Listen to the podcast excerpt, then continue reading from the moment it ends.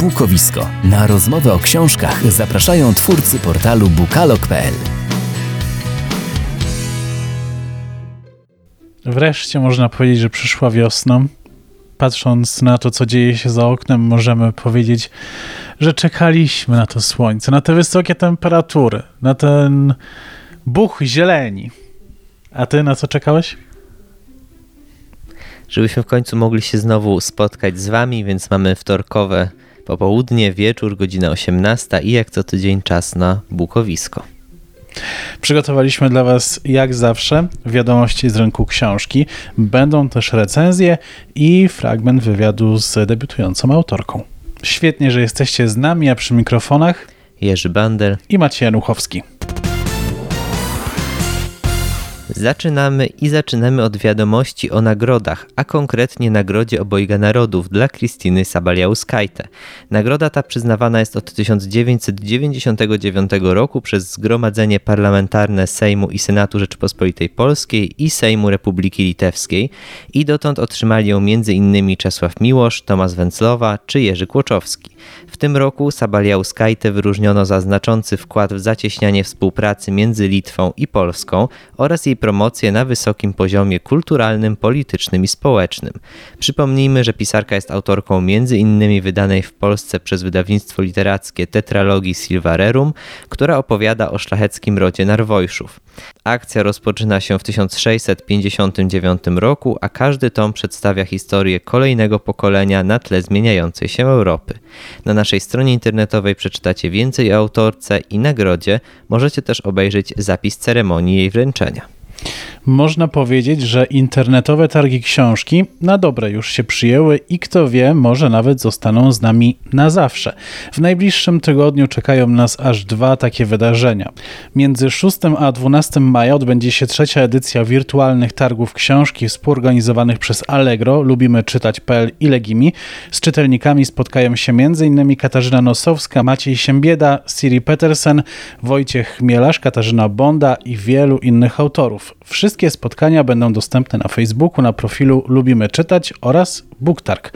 Dodatkowo zaplanowano ciekawe panele dyskusyjne i duże promocje na książki w serwisie Allegro. Konkurencyjną imprezę od 13 do 16 maja organizuje wydawnictwo poznańskie. To kolejna edycja ich domowych targów książki, której tematem przewodnim tym razem będzie zaczytana podróż i świat wyobraźni. Wydarzenia będą odbywać się na facebookowych profilach wszystkich marek wydawnictwa, czyli wydawnictwa poznańskiego, czwartej strony, czwartej strony kryminału, Zygzaków i Winidia.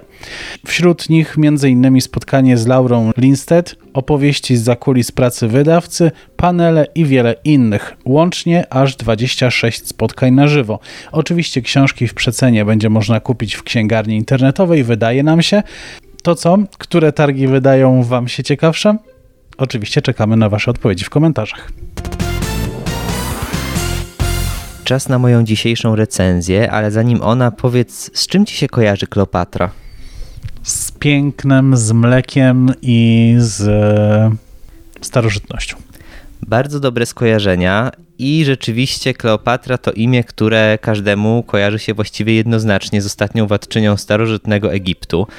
Ostatnia królowa, niezwykła kobieta, która zmieniła historię. Wciąż nie wiemy, co prawda, jak wyglądała, ale rzeczywiście, jak mówisz, źródła zgadzają się co do tego, że była niezwykle piękna. W nowej książce Alberto Angeli Kleopatra ożywa i opowiada swoją historię. Kleopatra Wielka, bo tak ją nazywano, żyła między 69 a 30 rokiem przed naszą erą i miała fascynujące życie. Poślubiła dwóch swoich braci, z których jednego kazała zamordować. Związała się najpierw z Juliuszem Cezarem, a potem z Markiem Antoniuszem. Nie wiem, czy można to nazwać fascynującym życiem, ale z pewnością ciekawym.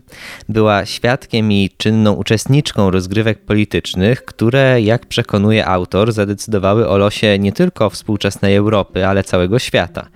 Jego książka opowiada o ostatnich 14 latach życia Kleopatry, od 44 roku przed naszą erą, gdy zginął Cezar, do samobójczej śmierci królowej w roku 30 przed naszą erą. Podtytuł książki to Królowa, która rzuciła wyzwanie Rzymowi i zdobyła wieczną sławę. Rzeczywiście, Kleopatrę poznajemy w wiecznym mieście, gdzie przebywa na zaproszenie Juliusza Cezara i gdzie poznaje po jego śmierci Marka Antoniusza. Jej życie w ostatnich latach koncentrowało się na wojnie domowej w Rzymie, a także sojuszu i romansie z Antoniuszem, których rozkwit obserwujemy w książce. Co jest niezwykłe w pisarstwie tego dziennikarza, to to, że Kleopatra nie jest po prostu książką historyczną, suchym sprawozdaniem faktów naszpikowanym datami i nazwiskami, które za zadanie ma jedynie przekazać wiedzę. Myślę, że Angela postawił sobie za cel zafascynować nas postaciami, które należą przecież do zamierzchłej przeszłości. I udaje mu się to. Wlewa w nich myśli i emocje, rozterki i tęsknotę, dzięki czemu nie pozostają nam obojętni. Oczywiście Kleopatra to nie powieść, a wciąż książka historyczna, w całości oparta na faktach, źródłach archiwalnych i najnowszych odkryciach naukowych. Angela jest paleontologiem i deklaruje, że dużo czasu spędził w archiwach. Niemniej jest w tej książce coś, co wciąga, mimo że przecież doskonale znamy zakończenie. Angela posługuje się fabularyzowanym stylem, niepodobnym do innych y, książek historycznych, który pozwala nam lepiej wczuć się w narrację i rzeczywiście przenosi nas w czasy zmierzchu Republiki Rzymskiej. Tło społeczno-obyczajowe zostało opisane bogato, wiernie, bazując bazując na tym, jak możemy je sobie wyobrażać w oparciu o badania naukowe i źródła.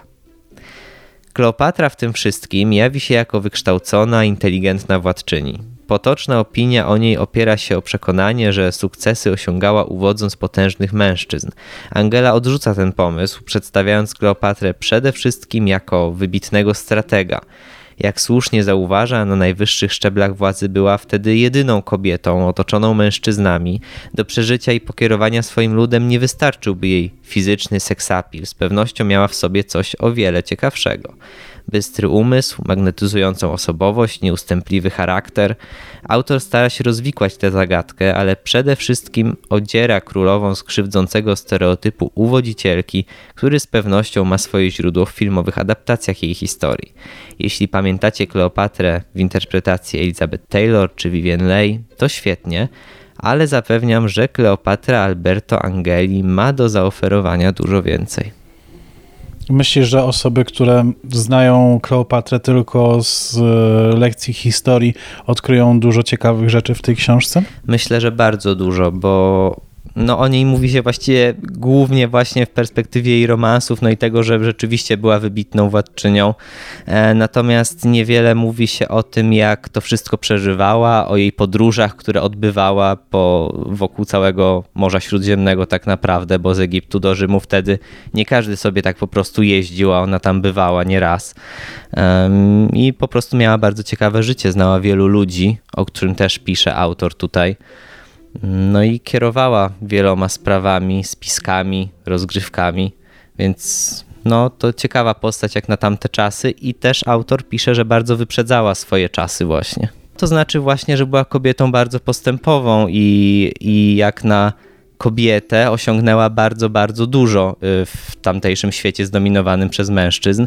A też co ciekawe, mm, autor porównuje ją trochę z innymi władczyniami starożytnego Egiptu, ale wszystkie one żyły wiele set lat wcześniej, e, a Kleopatra mm, no, żyła już w innym świecie niż na przykład słynna Hatshepsut, chociażby takie porównanie tam się pojawia. Umiała się doskonale odnaleźć e, w tym świecie zmian, w którym Republika Rzymska zmieniała się w imperium i po prostu dobrze sobie radziła. Dzisiejsza zapowiedź tygodnia to rzeczywiście zapowiedź na kilka miesięcy w przód, ale już teraz chcę się z Wami podzielić dobrą nowiną. Wczoraj Jakub Małecki zapowiedział na swoim Facebooku nową powieść, która ukaże się za 4 miesiące. Nosi tytuł Święto Ognia i na razie wiadomo tylko tyle, ile napisał autor, czyli że opowiada o kruchości, tańcu i cichych miejscach, do których uciekamy. Brzmi intrygująco, a jeszcze ciekawsze jest to, że już przed premierą prawa do ekranizacji kupiła wytwórnia Opus Film, która wyprodukowała m.in. filmy Ida czy Oscarową Zimną Wojnę. Czekacie na książkę i film? Dajcie znać. W naszym podcaście Bukowisko przyszedł czas na moją recenzję. Nieidealni Colin to książka, którą przygotowałem i jest to pisarski debiut Karoliny Głowskiej. E, jest to książka, którą mógłbym określić wielorako, ale z drugiej strony każdy z, każde z tych określeń nie będzie w pełni oddawało jej charakteru. Mógłbym powiedzieć, że jest mroczna, ale dostrzegalne jest światełko w tunelu. E, mamy tu do czynienia z wielkim zawodem, krzywdą, odwagą, odrzuceniem, agresją, uzależnieniem od alkoholu, przedmiotowym traktowaniu człowieka, uporem, wiarą w miłość, miłością samą, przemianą i chęcią pomocy oraz poświęcenia się. I to tylko nieliczne z opisów e, tej książki, które mógłbym wymienić, ale przejdźmy do fabuły. Tragedia, która wydarzyła się 5 lat temu, całkowicie odmieniła życie jednego z głównych bohaterów, czyli Colina. Jest to wokalista znanego zespołu rockowego. O przeżytej traumie już zawsze będzie mu przypominała szpecąca twarz blizna, jednak najgłębsza rana to ta, która została zadana w jego sercu. Sercu, które bezgranicznie oddał kochanemu mężczyźnie. Czy można podnieść się i zaufać komukolwiek po przejściu takiego koszmaru? By ratować przyszłość swojego zespołu, Colin na prośbę brata i przyjaciół zgadza się na sfingowane małżeństwo z młodym i zakochanym w nim Gabrielu. Beztroski student wychowywany przez siostrę wnosi do życia zgorzkniałego Colina promyk nadziei. Jednak łatwo nie będzie miał z muzykiem i wszystko wskazuje na to, że może nic nie wskurać. Od pierwszych stron Colin nie będzie naszym ulubionym bohaterem. Może nawet i do końca nim nie zostanie głównie za sprawą tego, w jaki sposób traktuje innych ludzi, w tym Gabriela. Jednak takie, a nie inne trudne przeżycia z przeszłości dość mocno na to wpłynęły. Odcisnęły swoje piętno na chłopaku, od razu nie poznajemy jego historii. Autorka nie zdradza tego od razu, a dostarcza nam w trakcie lektury skrawki, które kiedy poskładamy, otrzymamy pełniejszy obraz zła, które spotkało Kolina. Na przeciwnym biegunie mamy Gabriela. Z jednej strony chłopak z sercem na dłoni, a z drugiej nieco egoistyczny i bardzo uparty. Gotowy jest e, poświęcić wiele, by zdobyć to, czego pragnie, a właściwie kogo pragnie. Relacja obu bohaterów wpływa na nich wzajemnie, oni na siebie wzajemnie oddziaływują. Zapewne jeden pod e, wpływem drugiego w pewnym sensie się zmieni, jednak w jaki sposób to najlepiej będzie widać pod koniec lektury. Autorka bardzo szczegółowo rozpisała sylwetki bohaterów i wydarzenia, które dzieją się w książce. Uwagę skupia na emocjach, jakie to towarzyszą bohaterom, a tych y, jest co niemiara. Szczególnie, że wyczuwalne pomiędzy Colinem a Gabrielem tarcie generuje cały wachlarz emocji, od szczęścia przez obojętność, a na zazdrości i złości kończąc. Im więcej się pomiędzy nimi dzieje i już myślimy, że to koniec, że wspólne życie tej dwójki się nie uda, to tym bardziej oni nas zaskakują. Karolina Głowska generalnie stworzyła świat, w którym homoseksualizm bohaterów raczej nie jest dla nikogo problemem. Można powiedzieć, że pary jednopłciowe są tak samo traktowane jak te mieszane. To niecodzienny zabieg, szczególnie w polskiej literaturze queer. No właśnie to mnie zaskoczyło, a możesz powiedzieć, gdzie się dzieje akcja tej książki? Akcja dzieje się w kilku miejscach. Głównie są to Stany Zjednoczone. Jest też e, epizod berliński. No i też mm, dotyczy to Polaków, bo mm, Gabriel oraz jego siostra są Polakami. Okej, okay, bo właśnie trochę się zaśmiałem w duchu, że to ciekawe, że autorka tworzy taki pomysł, w którym mężczyzna godzi się na sfingowane małżeństwo z innym mężczyzną, podczas gdy generalnie raczej osoby homoseksualne, jeśli już fingują jakieś małżeństwa, to raczej z kobietami, e, czy też z osobami innej płci, żeby móc żyć w ukryciu ze swoimi partnerami, więc... A tutaj świat jest pogodzony, że istnieją takie pary. Znaczy no... świat generalnie jest pogodzony. Ale tak generalnie, generalnie ten świat w książce jest pogodzony, że istnieją takie pary.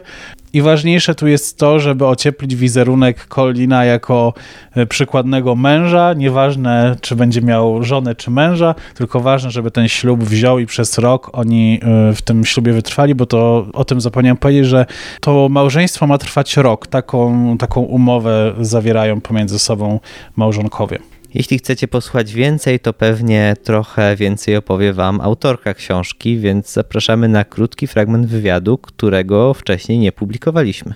Co jest szczęściem dla bohaterów? O ironio, szczęściem jest miłość. O ironio, bo y, mi miłość w tej książce jest zarówno i szczęściem, jak i tak naprawdę e, pewnego rodzaju zabójstwem. Tak? Miło, mm, my tu pokazujemy, że miłość jest i dobra, i zła. Tylko my musimy potrafić ją odróżnić. My możemy być dla kogoś dobrzy w miłości, e, ale niekoniecznie ta druga osoba jest dla nas dobra, mimo że mówi, że nas kocha. I daje nam takie malutkie e, drobiazgi, gdzie my naprawdę wierzymy w tą miłość. Po czym robi coś, gdzie my wątpimy, i znowu pojawia się coś malutkiego. To jest niesamowite, że ktoś może nas niesamowicie skrzywdzić, i później przynosi nam kwiaty i nam przechodzi. A nie wiem, no powiedzmy, że nas uderzył, tak? I wystarczą kwiaty i nam przechodzi. To jest właśnie takie porównanie, że ktoś nam robi dużą krzywdę, ale daje nam coś malutkiego i my znowu wierzymy, że on jednak nas kocha, tylko po prostu na swój dziwny własny sposób, tak? Tak jak e, w przypadku e, Kolina. Zastanawiam się, jakie jest powiązanie pomiędzy upijaniem się a brakiem e, snów.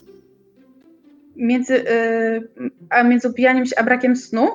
No bo przypomnijmy, że, znaczy przypomnijmy, no, jeszcze nie wszyscy czytali, e, ale mm, tam jest taka zależność, że Colin w momencie, kiedy e, dostaje alkohol, to nie śnią mu się złe rzeczy związane z Alanem. E, mo, znaczy, czemu się nie śnią? To, nie śnią, to tego nie wiemy, ale na pewno o tym nie myśli. Ja mam takie poczucie, nie z własnego doświadczenia, żeby to nie wyszło, ale myślę, że po prostu w jego przypadku mm, im więcej człowiek wypije, tym mniej myśli. On po prostu zasypia, nie myśli, a i im więcej pije, to rano po prostu nie pamięta tych snów, nie pamięta, czy mu się coś śniło, czy nie. A jeżeli człowiek jest trzeźwy, ma po prostu taką świadomość wszystkiego. Czy to podczas snu, czy, mm, czy, czy w ciągu dnia, tak? Ja mam takie pojęcie o mm, alkoholu, e, szczerze mówiąc, że im więcej wypijemy, tym bardziej tracimy kontrolę. I mm, w zależności od człowieka różnie to bywa, tak? Każdy traci kontrolę na różny sposób. E, ja chciałam, żeby Colin tracił, żeby mm, znalazł taki środek właśnie, żeby sobie pomóc. Alkohol nie jest dobrym, e, dobrą pomocą, ale chodziło o to, żeby mm, on znalazł dla siebie coś takiego, co pozwoli mu jeszcze mieć te ostatki sił, żeby dla tego brata chociażby żyć. Tak? I alkohol był taką rzeczą i mówię, każdy człowiek ma inaczej po alkoholu. I ja po prostu mu nadałam taką cechę, że on po alkoholu po prostu im więcej wypije, to po prostu zasypia i traci zupełną świadomość. I podczas snu, jak już się e, budzi. Chociaż wiadomo, mm, chyba nawet w książce mamy takie momenty, że nie zawsze to działa. Mhm. Ale jest to jakiś sposób na zapomnienie, tak? Żeby nie myśleć, żeby po prostu y, odpaść, że tak powiem. Wyobraźmy sobie, że po Twoją książkę sięgają 15-16-latkowie. Co oni w niej znajdą dla siebie? Jaką radę? Mm, Ja przede wszystkim nie chciałam napisać kolejnej książki, mam nadzieję, że mi się udało, gdzie będziemy, gdzie rodzice będą przeżywać, że mają homoseksualne dziecko. Nie chciałam napisać kolejnej książki, gdzie mówimy, że homoseksualizm to się rów, równa się chorowaniu na AIDS.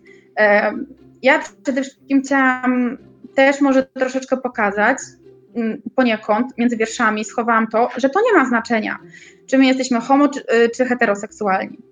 E, My, jest, my mamy naprawdę bardzo dużo problemów y, na co dzień. Tak? My mamy problemy z nałogiem, mamy problemy z toksycznymi związkami. No różne są te nasze problemy. I my jeszcze, mm, ja nie, ale są ludzie, którzy jeszcze doczepiają etykietę, że mm, jeszcze dokładamy tych problemów, że jeżeli ktoś jest homoseksualny, to coś jest z nim nie tak. Ja jestem nauczycielem e, i mm, zawsze zastanawiam się, czasem sobie zrobili moi uczniowie, gdyby się dowiedzieli o tej książce, aczkolwiek nie wiem, czy jest to możliwe, no, jakie jest to prawdopodobieństwo. Mm, Ale jakby ja szukam też takiego jako nauczyciel, z tym, że ja uczę mm, języka niemieckiego, nie jestem pedagogiem, więc nie mam też takiego otwartego dostępu do dzieci. I mnie to strasznie kuje na przykład, bo ja bym chciała móc stanąć przed dziećmi i e, powiedzieć, że jeżeli ktoś ma problem, jeżeli ktoś by chciał się wygadać, to może przyjść na przykład do mnie. Bo wiem, jacy są, mm, że są różni nauczyciele, różni są rodzice. I te dzieci są zagubione, bo mm, zawsze wiedzą, że mogą do kogoś pójść. I jakby trochę chciałam też tą książką pokazać, nie robić już tych problemów, że a jak jesteś gejem, to jesteś zły i wszyscy cię nie lubią, znienawidzą. że to tak naprawdę nie jest problem. Moim zdaniem to nie jest problem. To nie ma znaczenia w ogóle, w żaden, w żaden sposób. Mm, I chciałam pokazać, że bez znaczenia, czy to jest związek między kobietą a mężczyzną, może być super, może być źle, możemy mieć nałogi. Um, takie prawdziwe problemy chciałam pokazać, bo bycie homoseksualistą to jest taki problem, który stworzyli ludzie. I jest zupełnie naprawdę, jest w tych czasach jest naprawdę niepotrzebny, bo no mamy dużo większe problemy, dużo większe zmartwienia, a jeszcze ktoś dokłada ludziom, będzie przyczepiał etykietkę. Mnie to strasznie po prostu irytuje. Strasznie mnie to tak irytuje i, i dlatego ja nie chciałam robić takiej książki. Chciałam pokazać, że to nie ma znaczenia, że miłość to miłość, a mm, kto z kim to miłość dzieli, to naprawdę no, nie ma to znaczenia. I to już wszystko w tym wydaniu naszego podcastu. Mamy nadzieję, że jesteście zachwyceni tym, co usłyszeliście, że już macie pewne przemyślenia, a być może też inspiracje do tego, po co w najbliższym czasie sięgnąć. Jeśli tak, oczywiście możecie nam napisać w komentarzu, jakie będą Wasze wybory majowe na te piękne, właściwie chciałoby się powiedzieć prawie letnie już dni. Jeśli chodzi o temperatury, to, to właściwie letnie. My oczywiście czytamy dalej i już myślimy o tym, o czym opowiemy Wam za tydzień. Zatem do usłyszenia. Jerzy Bandel i Maciej Januchowski. Cześć. Cześć. Podcast Bukowisko znajdziesz na YouTubie, Spotify, Google Podcast i Apple Podcast.